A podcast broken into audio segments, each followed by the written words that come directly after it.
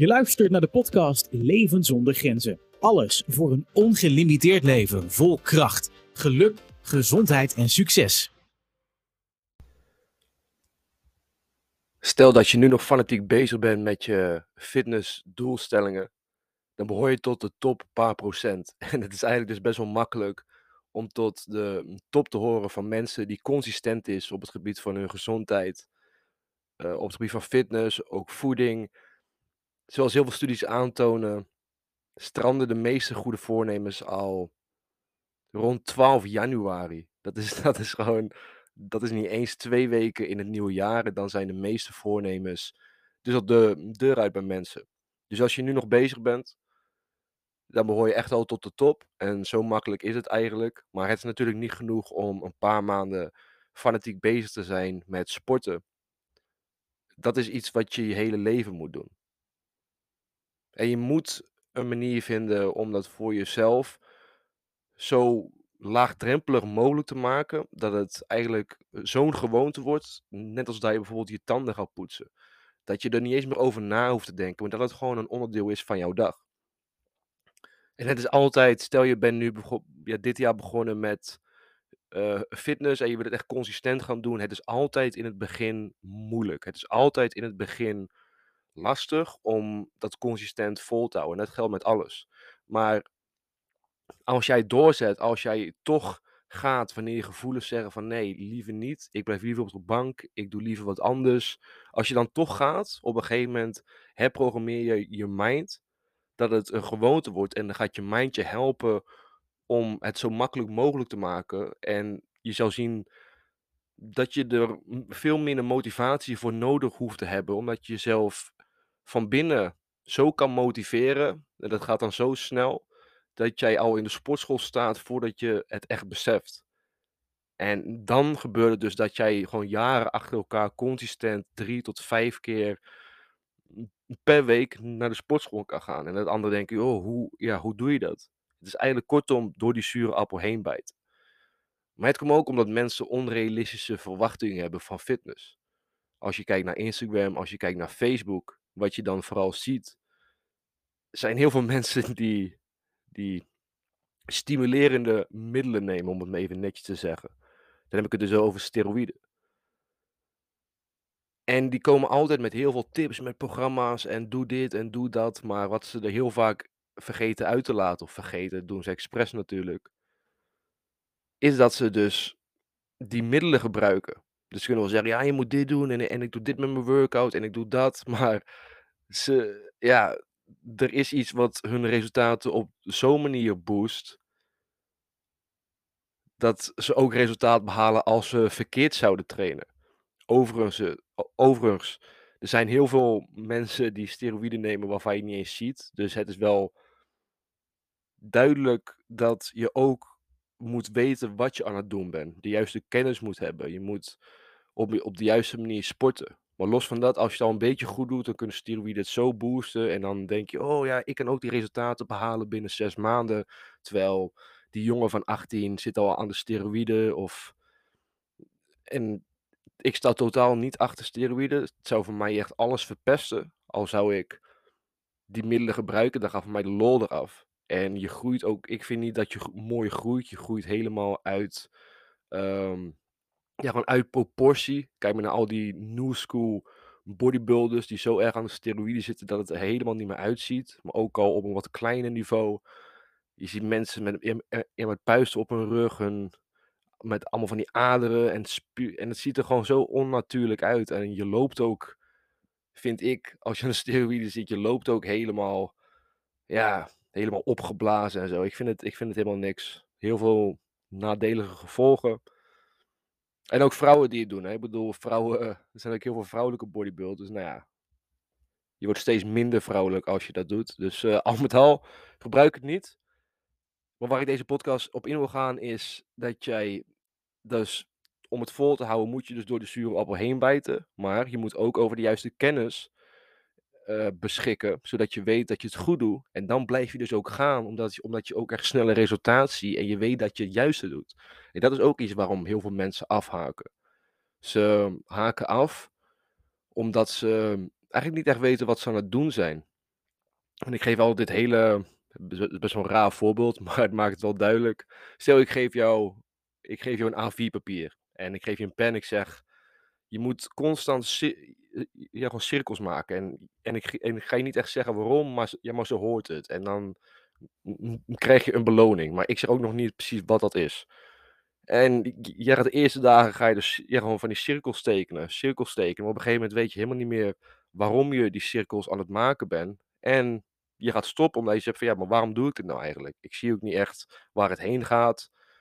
Snap je? Even een heel raar voorbeeld. Maar, maar zo werkt het ook met alles. Zo werkt het ook met fitness. Je moet weten wat je moet doen. En dat je dan, dan de bevestiging hebt dat je het op de juiste manier doet. En als je zo doorgaat, dat je bij een bepaald resultaat uitkomt. Dus, wat, om het even heel kort te houden. Ik ga jullie drie van de belangrijkste punten geven. Als jouw doel is om spieren op te bouwen. En ook voor de dames die luisteren. Als ik het heb over spiergroei of spieropbouw, dan denken heel veel dames gelijk aan een hele mannelijke, gespierde vrouw. Maar vrouwen hebben gewoon minder testosteron. Die hormoonhuishouding is heel anders. Dus als jullie hetzelfde doen als een man, dus ook gewoon in het, eh, in het krachthonk gaan staan. En ook, en ook gewoon met gewichten trainen. Zelfs zware gewichten. Jullie krijgen nooit die spiergroei van mannen. Bij jullie, ga, bij, bij jullie vormen die spier anders. Jullie worden strakker. Daarom noemen ze het ook wel toning of, of strakke trainen. Is eigenlijk ook gewoon een woord voor spiergroei. Maar bij vrouwen ziet het gewoon anders uit. Vrouwen die worden daar gewoon ook ja, wat vrouwelijker door. Die krijgen mooiere rondingen.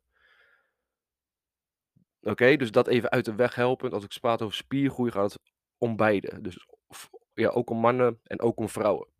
En waar moet je dan om letten? Het allerbelangrijkste is dat je progressief traint. Oftewel, wat heel veel, ja, wat heel veel sporters verkeerd doen. Als ik in de sportschool loop, zie ik heel veel mensen. Ik heb ook heel veel mensen getraind als personal trainer. En wat je dan ziet, is dat heel veel mensen, die gaan dan ook in met, ja, met een groepje trainen, staan ze met twee of meer man, staan ze te trainen. En wat ze dan doen, dan pakken ze een willekeurig gewicht, doen ze een aantal herhalingen en dat doen ze eigenlijk zonder moeite. Ze denken dat ze dan zwaar genoeg trainen, maar dat is helemaal niet zo. Dit is een hele mooie test. Als jij bij de laatste herhaling aankomt, moet je geen, ge- geen normaal gezicht meer kunnen trekken. Als jij gewoon nog makkelijk kan praten met je vrienden bij de laatste herhaling, dan is het veel te licht. En kijk maar eens om je heen. Als, als je mensen ziet trainen en bij de laatste herhaling, je ziet dat ze zwaar krijgen, het gewicht gaat langzamer omhoog. Je ziet dat hun gezicht, dat, dat ze hun gezicht niet in plooi kunnen houden, dan is het gewicht goed. Je moet die laatste herhaling net kunnen doen. Want dat zorgt voor een prikkel, voor progressie. Dat zorgt voor een prikkel die naar je spieren gaat. Als een signaal van, hé, hey, we moeten groeien, we moeten de volgende keer dit gewicht aankunnen. En dan een- nog hoger gewicht aankunnen. Du- Dus we moeten groeien. Oké? Dus je moet je spieren die prikkel geven. Dat doe je dus door bij de laatste herhaling aan te komen. En dat je dan echt al zwaar, hebt dat je bijna niet meer omhoog krijgt. Oké? En heel veel mensen zeggen dan ook van, joh, maar wat is dan het goede aantal herhalingen? Eh, ik zeg altijd maar zo, als je tussen de range zit van 7 tot 15 herhalingen, zit je goed. In het begin moet je daar nog niet zoveel zorgen om hebben. Je moet gewoon zorgen dat je die prikkel geeft. En ja, ik kom daar zo op terug bij het volgende waar ik het over hebben. Maar het volgende is, punt 2, is dus dat je neerwaartse beweging, dus een negatieve beweging, laten we even als voorbeeld nemen, dat, ja, dat kan iedereen wel, al doe je een bicep curl, je doet het gewicht omhoog en dat is de positieve beweging. En als je hem weer naar je oude positie terug laat zakken, dat is een negatieve beweging. Dus altijd wanneer je weer naar de startpositie gaat, die beweging, die is het belangrijkste, die zorgt voor de microscheurtjes in jouw spieren. Wat een signaal is om spieren op te bouwen. En dat doe je dus altijd, al doe je dus positief, dus omhoog, weer de bicep curls als voorbeeld. Doe je 1, 1, 2, 3. Dus, ja, dus je laat hem zakken. 1, 2, 3. Hou je hem even beet. 1, 1, 2, 3. En doe je omhoog. 1, 1, 2, 3. Oké, dan kom je altijd wel uit rond dat één set. Dus al heb je 14 herhalingen, dan noem je die 14 herhalingen één set. Als je dan uitkomt rond de 30 seconden of meer, dan zit je goed. Dat is punt 3. Nee, dat is, en dat is hetzelfde punt. want, dat, want dat is. Uh, ja, dat is de reden daarvan dat je spieren moeten onder spanning blijven. Dus als jij heel snel doet die herhalingen, en je focust niet op die neerwaartse beweging, dat je die echt langzamer doet, dan rek je de tijd onder spanning, die rek je niet uit. Waardoor je dus je spieren niet echt onder spanning komen staan. Als, als je het langzamer doet, komen je spieren onder spanning staan. Komt de tijd dat je spieren per set onder spanning staan, die wordt langer. Waardoor de impact op jouw spieren dus groter is. Dan krijg je meer van die microscheurtjes. Dus dat is heel erg belangrijk. deze twee zijn echt, echt het allerbelangrijkste. Je moet je spieren onder spanning zetten. Focus op die neerwaartse beweging. En je moet het gewicht echt maar net aankunnen. En dan natuurlijk de houding. Het is een beetje moeilijk om via een podcast uit te leggen, maar houding moet altijd, als jij een isolatieoefening doet, bijvoorbeeld je wil alleen je biceps, je wil alleen uh, je triceps, je wil alleen je schouders trainen, dan moet je die isoleren. Oké, dus dan moet je de rest van je lichaam eigenlijk niet bewegen. En dit is ook wat veel mensen fout doen. Dan gaan ze bewegen, maar dan gaan ze hun hele lichaam lopen zwaaien. En dan, dan doen ze een soort van stoel van, kijk maar, je kan heel veel gewicht aan. Maar wat er dan eigenlijk gebeurt, is dat jij zoveel gewicht omhoog krijgt door jouw beweging met jouw hele lichaam. Dat zorgt voor, ja, en dat zorgt voor momentum. Dat zorgt voor extra gewicht wat gewicht tilt. Dus je moet, als je biceps doet, ga je niet staan zwaaien. Doe een lager gewicht. Hou alleen je bicep je arm hou je compleet stil en je doet alleen die opwaartse en neerwaartse beweging zonder je lichaam, de rest van je lichaam te bewegen. Oké? Dus, maar bij borst en bij dan pak je natuurlijk meerdere spieren. Ook dan is belangrijk. Altijd de spier die jij traint, hou je stil. Je gaat dus niet staan bewegen met je rug. Je gaat dus niet, al ga je je borst doen, je hele, opper, of je hele bovenlichaam heen en weer bewegen om, om te compenseren voor het gewicht. Nee, je houdt het stil. En dan kan je ook video's kijken of in je eigen sportschool hulp vragen bij je houding. Met deze drie dingen zijn het allerbelangrijkste. Als je dit al goed doet, ga je in het begin sowieso heel veel voortgang zien. En dit is waar ik het nog even over wil hebben.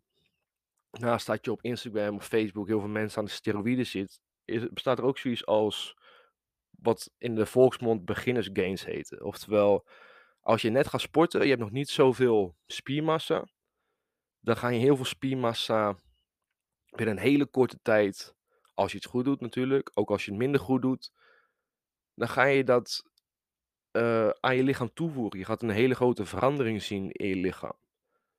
Omdat jouw lichaam heeft behoefte aan meer spier.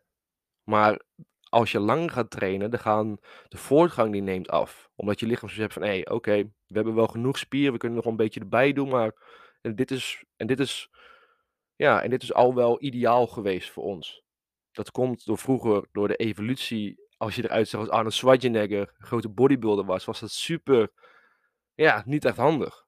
Als je achterna gezeten werd door een tijger, dan heb je niks aan, dan heb je niks aan zoveel spier. Je verliest het toch en je raakt snel uitgeput. Dus ons lichaam, dat is gewoon onnatuurlijk als je die bodybuilders ziet. Daarom gebruiken ze steroïden om door die barrière heen te breken, om zoveel spiermassa aan te komen. Want je lichaam gaat je tegenstrippelen.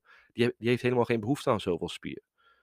Oké, dus dat is belangrijk om te houden. Stel je ziet in het begin veel uh, voortgang, goed gedaan, maar weet dat het begin, de beginners gains zijn. Je moet je verwachtingen daarop aanpassen.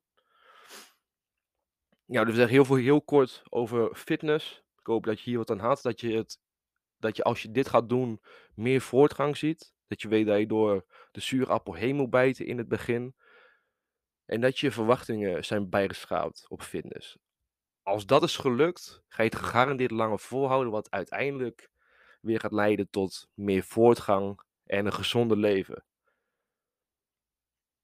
Dus bij deze, ik hoop dat je wat aan gehad hebt en tot de volgende podcast.